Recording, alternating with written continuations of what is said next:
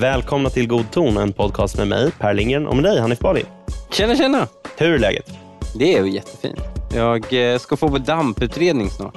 Jaha, ska du få din superkraft eller är det bara in it for the drugs? Jag vill ha hjälp att hantera det. Alltså, jag, jag tror du har märkt det på mig. Nej, Eh, nu vet sistone. jag inte alls vad du Nej, menar. inte nu, men särskilt att det börjat, alltså, att jag alltid har damp, haft damp är ju en sak.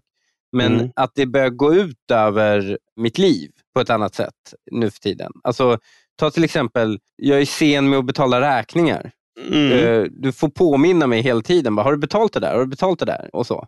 Mm. med- till eh, de gemensamma grejer vi har. Och Orsaken till det är ju för att eh, vanligtvis så sätter jag mig ner och får ett flow och så, så bara betar jag av allt eh, en gång i månaden eller något sånt. Men nu när jag på grund av liv och barn är i en situation där man inte får långa perioder av ostördhet, då kickar liksom dampen in för att eh, jag klarar inte av, det tar ett tag för mig att hamna i det flowet Mm. jag lyckas aldrig komma in i det och blir mikrostörd hela tiden. Eh, och därför måste jag, liksom, jag måste söka hjälp för Mm. att hantera det här. Det och tjackruset. ja, förhopp- eh, förhoppningsvis hjälper det. Jag fattar. Ja, vad som än hjälper våra betalningar så att vi slipper betala för förseningsavgifter varenda gång. Så, eh, det, vore, det vore en bra grej. Alltså, om- om, jag, om jag så ska behöva köpa tjack på plattan åt dig för att du ska betala den här skiten i tid, så är jag fan beredd att göra det. Alltså. Ja. Det- är en tidsfråga innan jag liksom blir Annika Strandhälls eh, borgerliga kopia liksom, på eh, sena betalningar. Just det. Ja, nej, men du är inte mer än människa och att fela är mänskligt, Hanif. Mm, mm. Vet du hur fortsättningen på det, på det citatet lyder? Eller citatet, det är ett talesätt. Nej, det vet jag inte. Från början så är det eh, latin. Mm. Errare humanum est, ignosere divinum. Alltså, Får jag gissa? Mm. Ignosere, det betyder att inte veta, eller? Nej. Någonting, nej, nej. Divinum betyder ju eh, gudomligt. snyggt. Att förlåta är gudomligt. Nu så. Att fela är mänskligt, att förlåta är gudomligt. Så det där citatet, eller jag säger citat, men jag menar inte det. Alltså, ordstävet, Mm. ordstävets sista led. Mm. Det har den här veckan fyllt mig med en viss eh, vad ska man säga, lättnad kanske. Alltså, det ankommer inte på mig, utan på Gud att förlåta. Ja. Alltså jag kan som människa helt enkelt stanna vid konstaterandet att det är mänskligt att fela.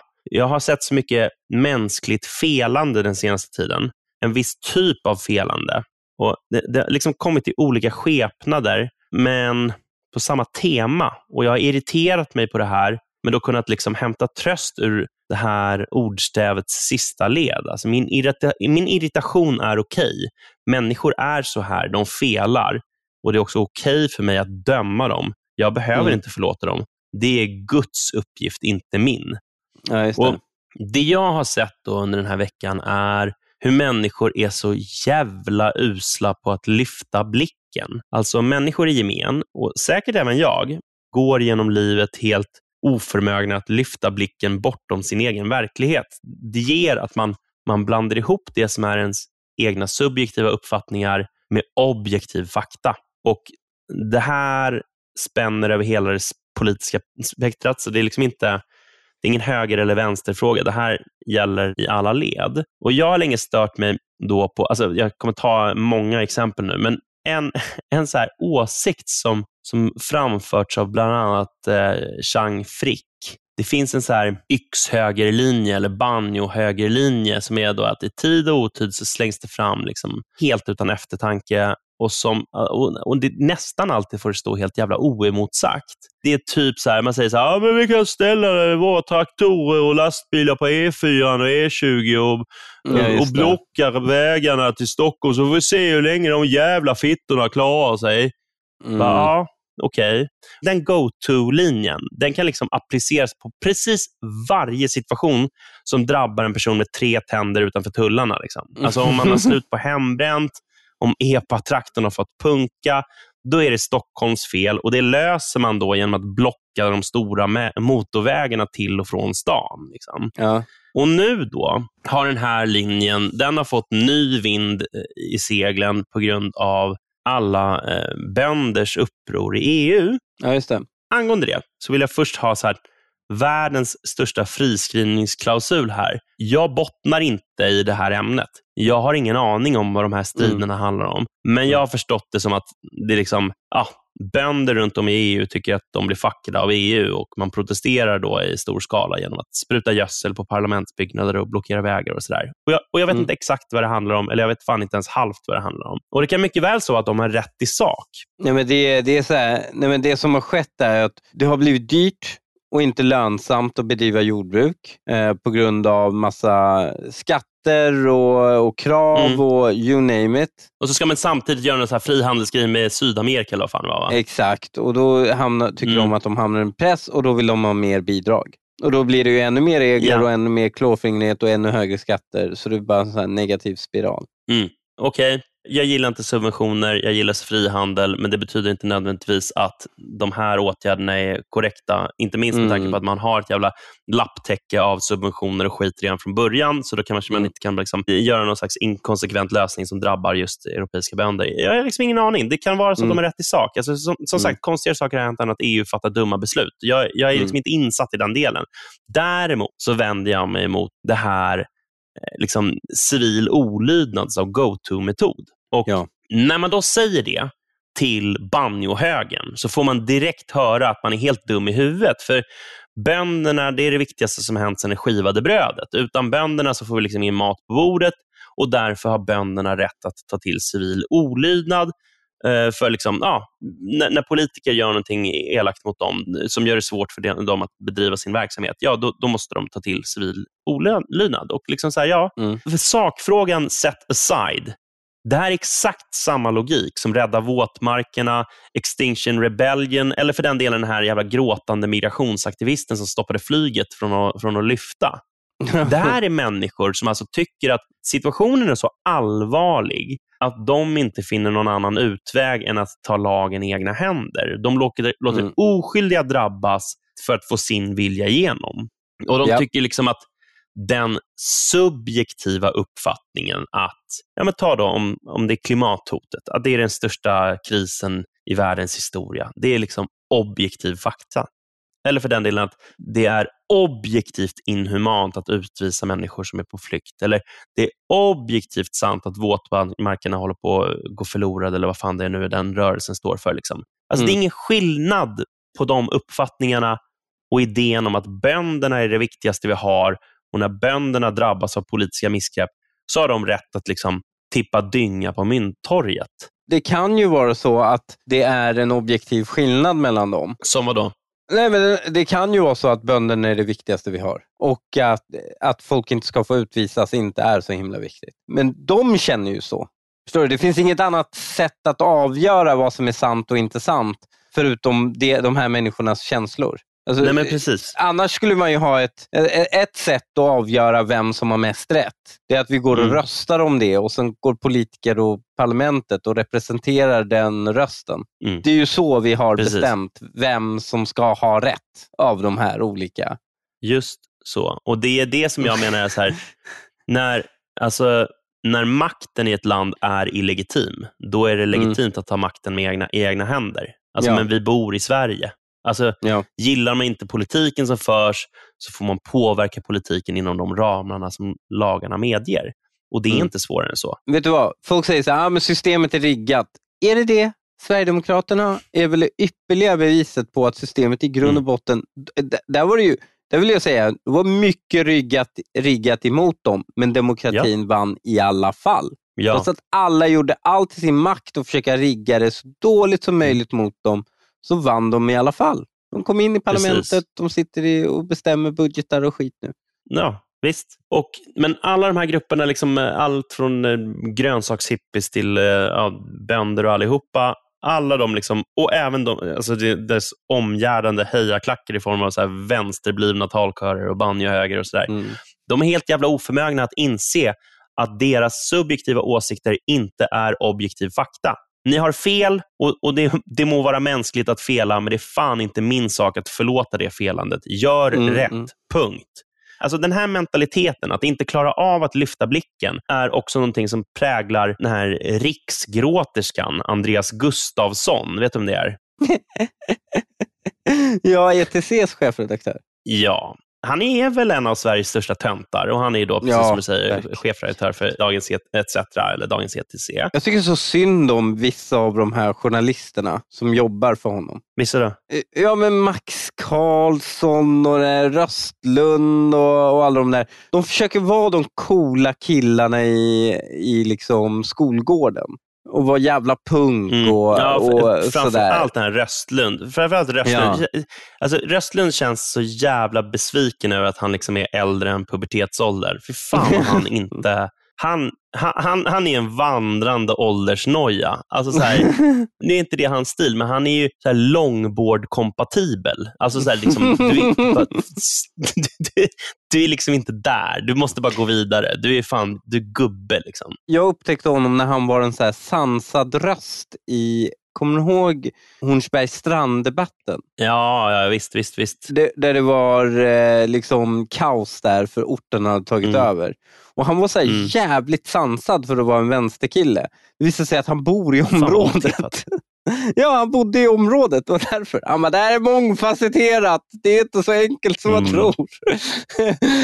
och då kom, det kommer jag ihåg. Men sen gjorde han några, han jobbade ju på Mitt i innan. Och han gjorde några artiklar om, vilket jag tyckte var ett intressant perspektiv. Han följde ortenbarn som hade börjat i svenska skolor Mhm, mm. och hur de kände. Hur de kände sig att de inte liksom tillhörde där.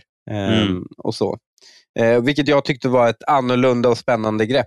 När han var yngre och fortfarande så var, hängde han i så AFA-kretsar och så. Men jag tycker synd om dem som försöker ha, vara så här coolast på Twitter och så har de en sån töntig chef. Liksom. Det här är ju problem som vänstern alltid hamnar i. Alltså, Dagens ETC arrangerade en jävla så här, någon slags eh, fest på fall det var Kulturhuset eller vad fan det var. Och Det var ju verkligen så här catch all. Liksom. De skulle vara så här, oh, jävligt så alternativt och coolt och punkigt. Och sen så är det också så här hbtq-certifierad yoga. Typ. Alltså man bara så här, men, du, men det här går inte ihop. Liksom. Ni, ni, klar, ni kan inte axla allt det här på en och samma gång.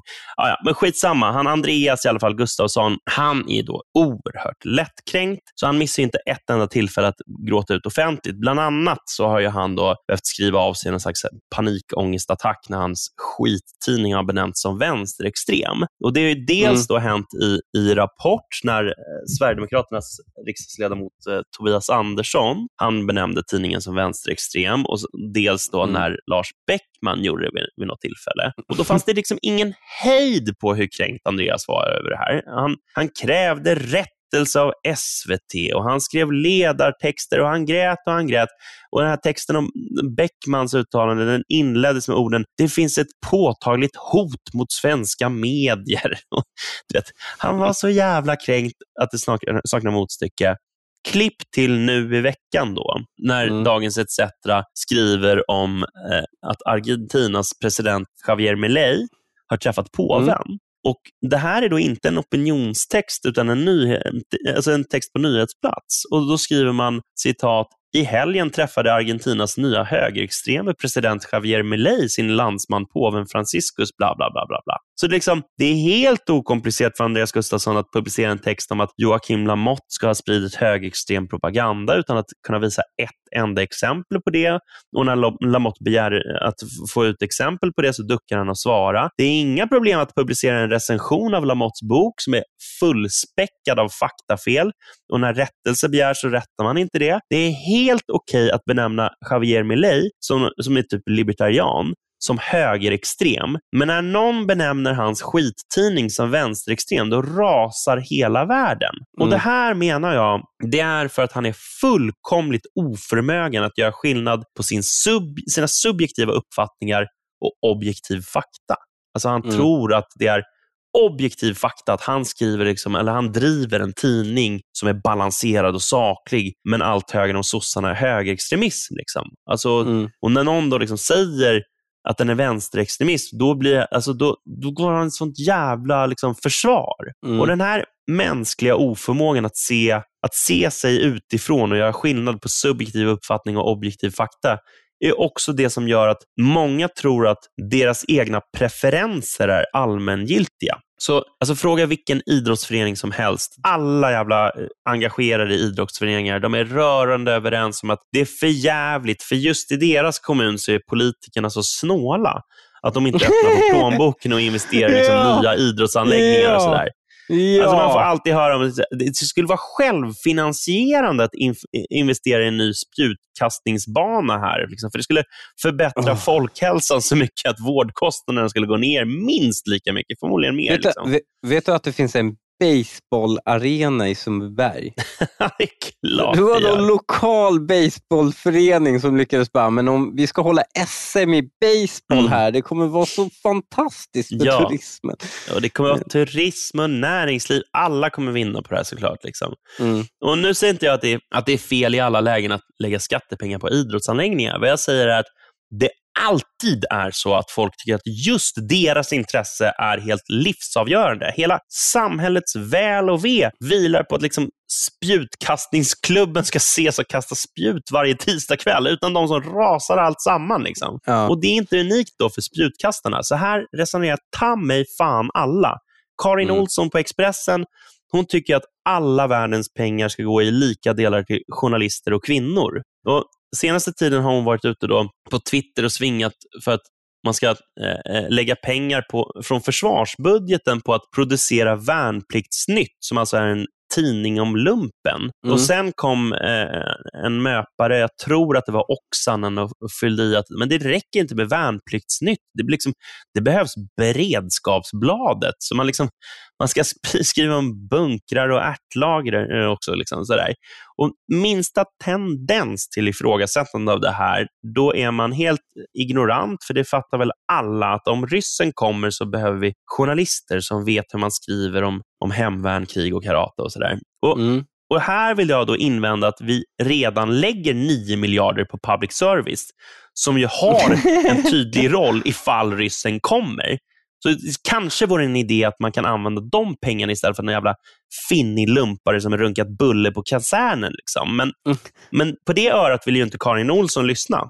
Men alltså, det skulle ju kräva att någon av de här liksom, surdegsbakande Södermalmsjournalisterna blir tvungna att lära sig om, om just militära grejer. Och Det, hade väl, det, hade, det är väl att kräva för mycket. Av Ja, ja men Det är verkligen. bättre att Precis. de här nördarna får göra det med en egen budget någon annanstans. Så kan vi fortsätta leka liksom, eh, Ja, men- vänsterprogressiva i vårt eget lilla hus. Jo, alltså för att allokerar du en jävla spänn av de här nio miljarderna till att skriva någonting om försvar så kommer ju det tas från någonting annat. Och Det kommer ju vara det livsviktigaste som någonsin har gjorts också såklart. Liksom. Så att journalisterna funkar precis så här. Det är alltid så att det man själv sysslar med är det viktigaste. Det här var ju det Fredrik Reinfeldt pratade om när han pratade om allmänintresse och särintresse. Ja, ja. Och, och, all, och, och sen dess har vi inte hört någon sluta tjata om det. Alltså, möparna Mm. ligger fortfarande sö- sömnlösa. Bara, och vaknar mitt i natten så bara, vad är det älskling? Ah, det var det där jävla uttalandet. Liksom. Alltså, så här, de kan inte släppa det. Och På Mm. DN Debatt kunde man nu i veckan läsa Laura Hartman, som är nationalekonom. Hon var eh, tidigare LOs eh, chefekonom eh, eh, fram till förra året, tror jag. Eh, Mm. och Hon argumenterade för att kultur är en investering och att budget, budget, att liksom, Ah. budgetunderskott ska vi ha då för att strössla pengar över kultur. Det är en kanonidé. Och den här texten inleds så här. Tunga röster höjs för ett underskottsmål och andra ändringar i det finanspolitiska ramverket. Dessvärre riskerar debatten att hamna i en ny onödig låsning där stora investeringar i klimat och försvar ställs mot vård, skola och omsorg. Men även välfärd och kultur ger långsiktig avkastning för samhället, skriver nationalekonomen Laura Hartman. Så det man nu ska göra då är alltså att ha en statsbudget som går med underskott och pengarna ska användas för att investera i kultur för all avkastning den ger. Jag vill bara säga att det här med underskottsmål och överskottsmål och sånt. Alltså, det är fan det enda som har räddat det här landet, Ja, är överskottsmålet. Det Mm. är fan det enda jävla kvaliteten vi har. Det är att vi har en låg statsskuld. Annars är Ja. vi så fucked. Och det är ändå i grund och botten ett konservativt och fint utgångsläge att vi ska lämna ifrån oss bättre finanser till våra barn än vad vi fick. Ja. Är din målsättning att lämna, när du, när du lämnar denna jord och nästa generation tar över, liksom, att de ska vara mer eller mindre skuldsatta på grund av dig? Precis. Och, och, så vad det har skett, alltså just på grund av överskottsmålet och kravet som finns, alltså att under en konjunkturcykel, och man, Mm. brukar, man brukar säga fem år ungefär, Mm. så ska staten, absolut, den får bränna på och skuldsätta sig när konjunkturen är nere, men när man, är, när man går plus, när konjunkturen är uppe, då ska man lägga undan, spara i ladorna, som Mm. det heter. Och nu höjs ju röster att vi måste investera. Mm. Nu måste vi investera i infrastruktur, i välfärd, i bla bla bla. Nu måste vi gasa. Vi ska ha underskottsmål, säger Mm. vissa. Liberalerna och andra de säger att de vill ha balansmål, att vi ska gå plus minus noll på en konjunkturcykel. Och Moderater är de enda där ute nu. De Mm. enda partiet. Och Det här var det redeeming quality av Sverige på internationella marknaden. är att så här, de stabila statsfinanser, de har ett överskottsmål, de har låg statsskuld och också att det fanns en bred politisk enighet om det. Nu har vi inte det längre. Nu är det ett enda parti som vill ha ett överskottsmål. Det är så jävla oroväckande. Det är just det här som du säger, så här, investeringar i och sen så fält av allt mellan himmel och jord. Alltså det, det här är bara den senaste i raden av galenskap när nu Laura Hartman tycker att alltså välfärd och kultur ger långsiktig avkastning. Det vill säga, vi ska ha underskott för att lägga pengar på kultur. Det är så jävla fucked up. Men en person som förmodligen håller med här är Johannes Klenell som är kulturredaktör på tidningen Arbetet. Mm. För i veckan kunde man läsa på Twitter, då skrev han så här. Lyssnar på mannen som gjorde en konstutställning för svampar och maskar.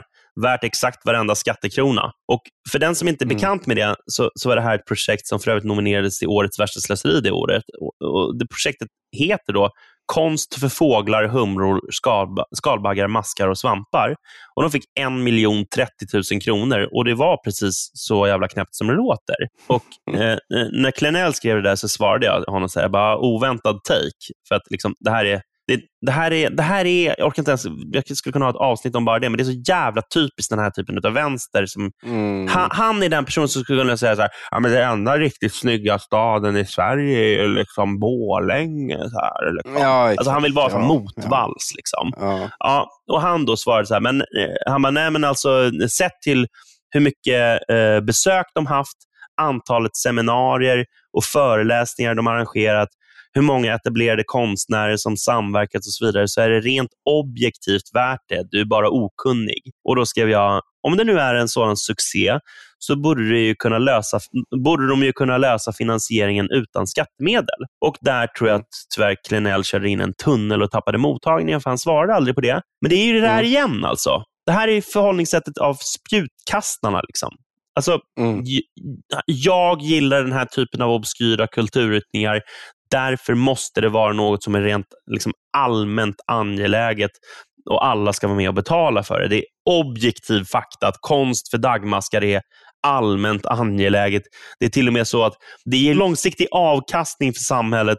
Så det enda rätta nu är det att gå med budgetunderskott för att investera i ännu mer konst för svampar och skalbaggar. Liksom. Det, det, är, det, det är det som är investeringar av idag. Det här är det som är problemet, nämligen att du kan gå till vilka politiker som helst och sen peka på vilket utgiftsområde som Mm. helst och bara, är det här en investering? Och svaret kommer alltid vara ja. Det finns inte Mm. en enda politikområde där en politiker skulle bara, nej men det här är inte en investering.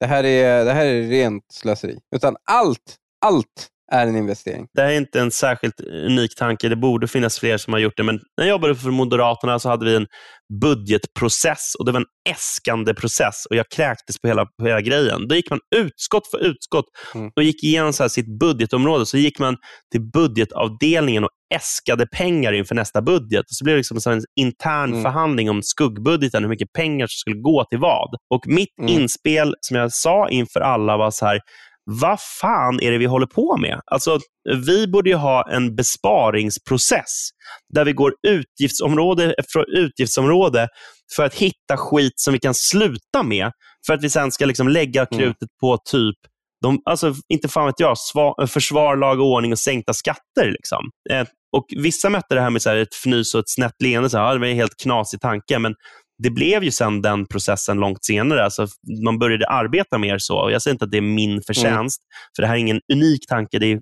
självklart att andra har tänkt den också. Men det är mm. ju när till och med moderater är lagda åt det hållet. Mm. När moderater sitter i något jävla skitutskott och bara så här, vi behöver mer pengar hit.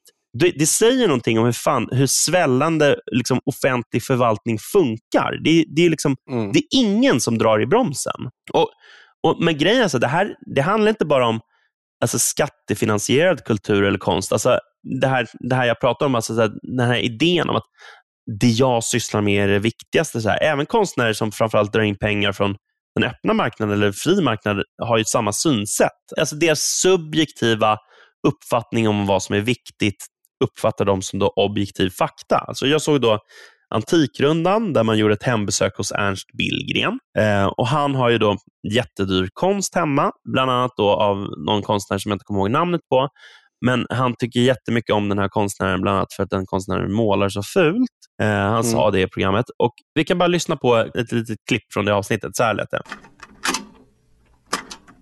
När man tittar på hans målningar också så är det ju så att han har ju bearbetat ytan väldigt särskilt. Mm. Efter att han är färdig med fällmålningen så lackar han den och så sen så stryker han med varmt strykjärn. Nej, men han jobbar ju som en konstförfalskare. Han vill hitta den här åldern, patinan, att det inte är tjusigt på något vis. Men nu är vi ändå här i egenskap av Antikrundan ja. och då värderar vi allt eh, vi tittar på. Jag skulle inte bli förvånad om den här målningen skulle kosta i varje fall mellan två och tre miljoner. Kanske mer. Det är bra och det är dåligt.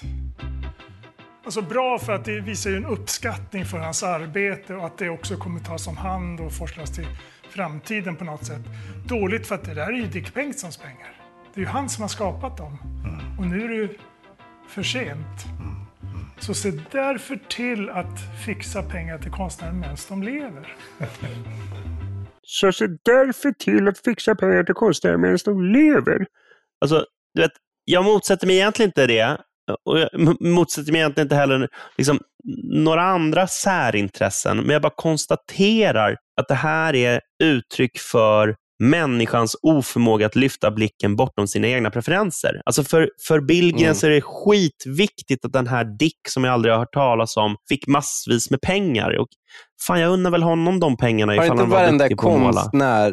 Varenda fenomenal konstnär någonsin dött utfattig. Ja. Och, och sen har det efter de dött liksom blivit eh, extremt värde. Värdet har liksom dragit iväg efter att de producerat konsten. Efter att, det, de har liksom aldrig sålt konsten dyrt, förutom typ i modern tid. Ja, men det ligger en subjektiv värdering i det. Mm. Alltså så här, han, han, vet, han, när han säger de här orden, han tittar in i kameran, han tar kameran. Liksom. Mm. Det, det, det är tittaren som uppmanas. Nu ska jag gå till närmsta konstnär och bara skänka pengar till honom. Liksom. Man förstår vad jag menar. Det är så jävla viktigt detta med konsten. Så här, ja, mm. Kanske det är, eller inte. Jag vet inte. Alltså, mm. det är för, fråga barnmorskorna, liksom. eller mm. inte fan vet jag, brandmännen. De kanske tycker så här, ja, men det är därför det är så viktigt att skänka pengar till brandmännen. Alltså, så här, förstår jag menar? Det, det finns en miljard sådana här intressen. Liksom. Mm, mm, ja. Idag kunde man läsa, idag är det torsdag, man kunde läsa ett längre intervjureportage med Magdalena Andersson i DN. Ska du prata om det? Ja, men jag, kommer inte, jag, kommer inte, jag kommer inte lägga ut orden jättemycket, så det, det, det kommer få mycket fritt spelrum att eh, eh, kommentera fritt också här. Alltså. Men jag, jag, anar att du vet var jag ska komma någonstans. Ja, ja. Men alltså, så Magdalena Andersson, hon är då partiledare för partiet som Jamal El-Haj representerade i riksdagen tills för typ fyra sekunder sedan. Och låt oss bara blicka tillbaka kort till liksom den här förtalsprocessen. Så mm. Fredrik Kärrholm, som är riksdagsledamot för Moderaterna, han skrev följande om Jamal El-Haj på Twitter. Socialdemokraternas riksdagsledamot Jamal El-Haj är en säkerhetsrisk. Han har kopplingar till Hamas och sprider desinformation. Magdalena Andersson måste ta ansvar och initiera ett uteslutningsärende. Och man kan ha olika uppfattningar om hur allvarliga de här kopplingarna till Hamas är och man kan ha olika bedömningar om ifall Jamal El-Haj är att betrakta som en säkerhetsrisk. Alltså, jag delar ju Kärrholms uppfattning i sak till 100 procent. Det är Socialdemokraterna med nu för tiden. Ja, det verkar ju så. Eller det är oklart varför han har blivit petad. De, de har gjort en samlad bedömning vad fan det nu betyder. Det är ändå subjektiva bedömningar vi pratar om. Alltså Man kan ha olika uppfattningar om det.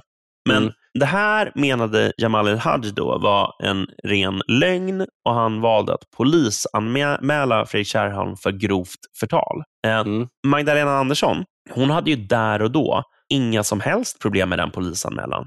Alltså att en riksdagsledamot riktar skarp kritik mot, mot en annan riksdagsledamot. Det är tydligen någonting som enligt den här nya socialdemokratiska standarden då ska bemötas av en polisanmälan. Mm. Det var liksom ingenting som Magdalena Andersson reagerade på överhuvudtaget. Så det är den nya standarden från Socialdemokraterna. Och så nu då, idag, kan man läsa DN som gjort ett långt intervjureportage med Magdalena Andersson. Och Den här intervjun ska då handla om då supervalåret 2024 där USA ska välja ny president och Europaparlamentsval och sådär.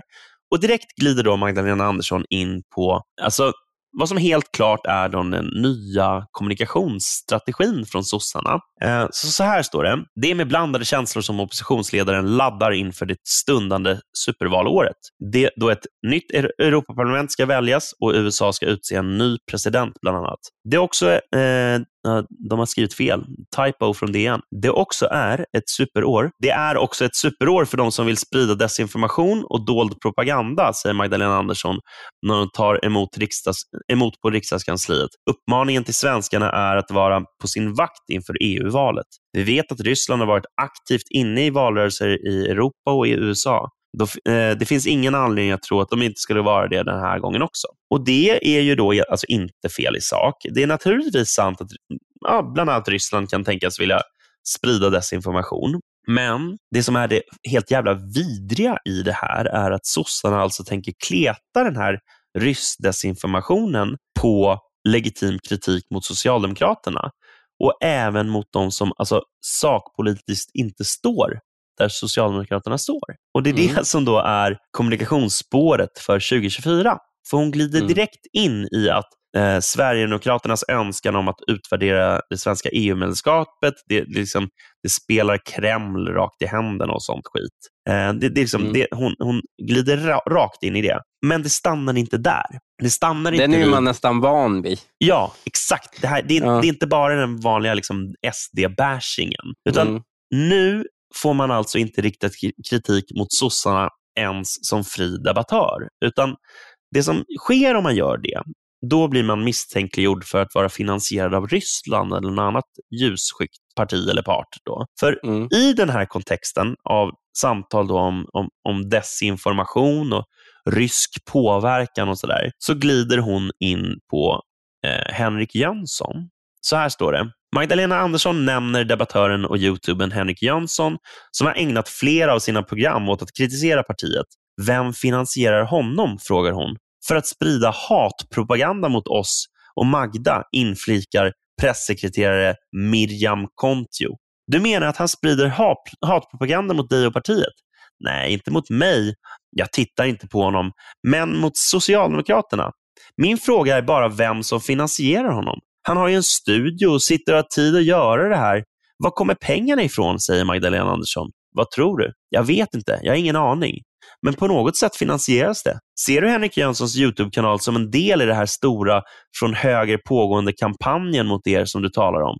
Jag vet bara inte hur han finansieras. Jag tycker det är konstigt att många som för vidare hans budskap inte undrar hur det finansieras. Och Det här är så vidrigt, det hon gör här. Alltså, Henrik, som för övrigt finansieras helt av liksom frivilliga donationer från sina följare, hans mm. brott är att han inte är sosse.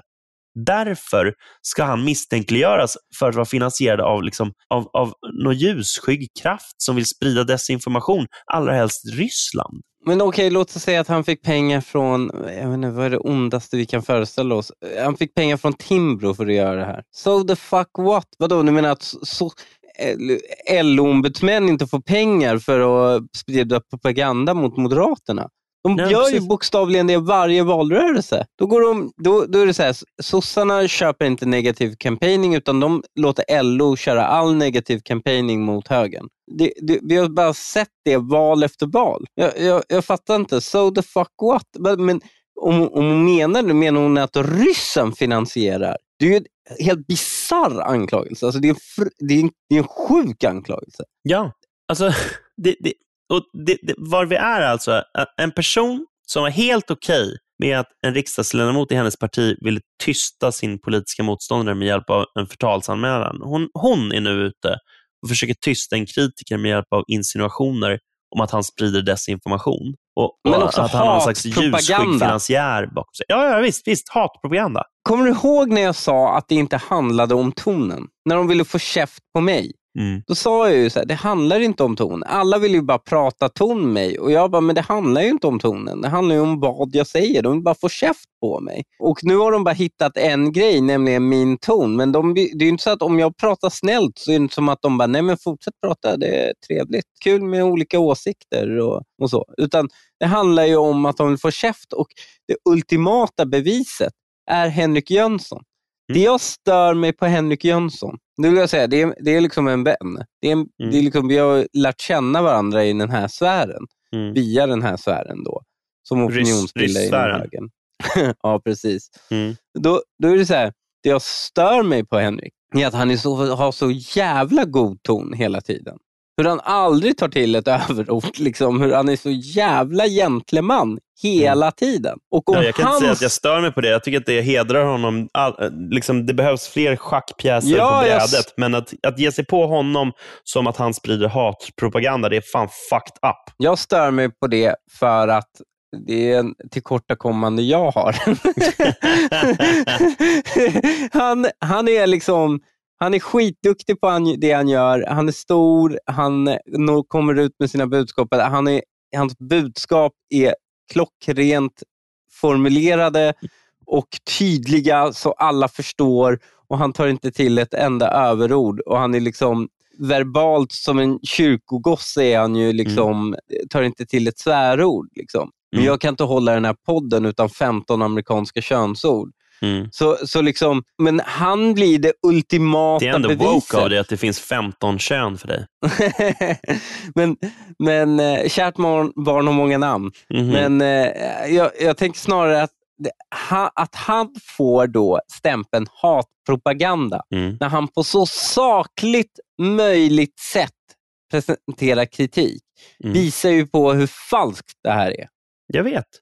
Jag vet, Hon och- valde helt fel snubbe. Jag vet men det är svår, jag har svårt att liksom riktigt, riktigt grä, äh, nå kärnan som jag är ute efter. Jag, jag vill på ett mer koncist sätt formulera det, men jag menar, det som Kärrholm kritiserade Jamal för var att sprida Mm. desinformation. Och Jamal, som hon nu har petat för hans olämpliga kontakter och så vidare, Alltså hans olämpliga agerande, det är därför hon har petat honom. Hon backade hans jävla polisanmälan där och då. Förstår du? Och nu så liksom ska hon då ge sig på eh, prästsonen Henrik Jönsson för att sprida desinformation och hatpropaganda. Det är, liksom, det är en sån sensationell skamlöshet.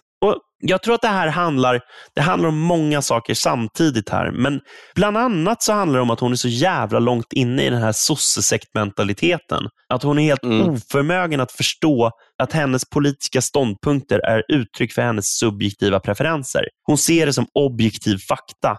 Och när det då kommer någon och kritiserar henne så är det som att liksom ge sig på det som är objektivt sant. Det måste vara desinformation. Och från ett yttre perspektiv så liksom, man ser på det här med häpnad. Men det är på något sätt, allt det här är samma sak. Alltså, varför ska vi betala skattepengar för Dagmastkonst? Varför ska försvarsbudgeten gå till lumparjournalister? Varför ska oskyldiga stockholmare drabbas av arga bönder som blockerar E4? Och varför i helvete ska kritiker av sossarna utmålas som ryssapologeter och, och hat, liksom desinformatörer? Jo, för att människor är människor och det är mänskligt att fela, men det är fan inte min uppgift att förlåta det. Den uppgiften, den lämnar jag åt högre makter. Det var inte allt för den här veckan. Vill du lyssna på hela avsnittet så går in på patreon.com godton och bli Patreon. För så lite som 10 kronor per avsnitt får du tillgång till hela avsnitt varje vecka istället för halva avsnitt. Du får även tillgång till vår hemliga Facebookgrupp som är med och styr vilka ämnen vi tar upp. Så gå in nu på patreon.com godton och bli Patreon idag. Annars var det allt för den här veckan. Hej då!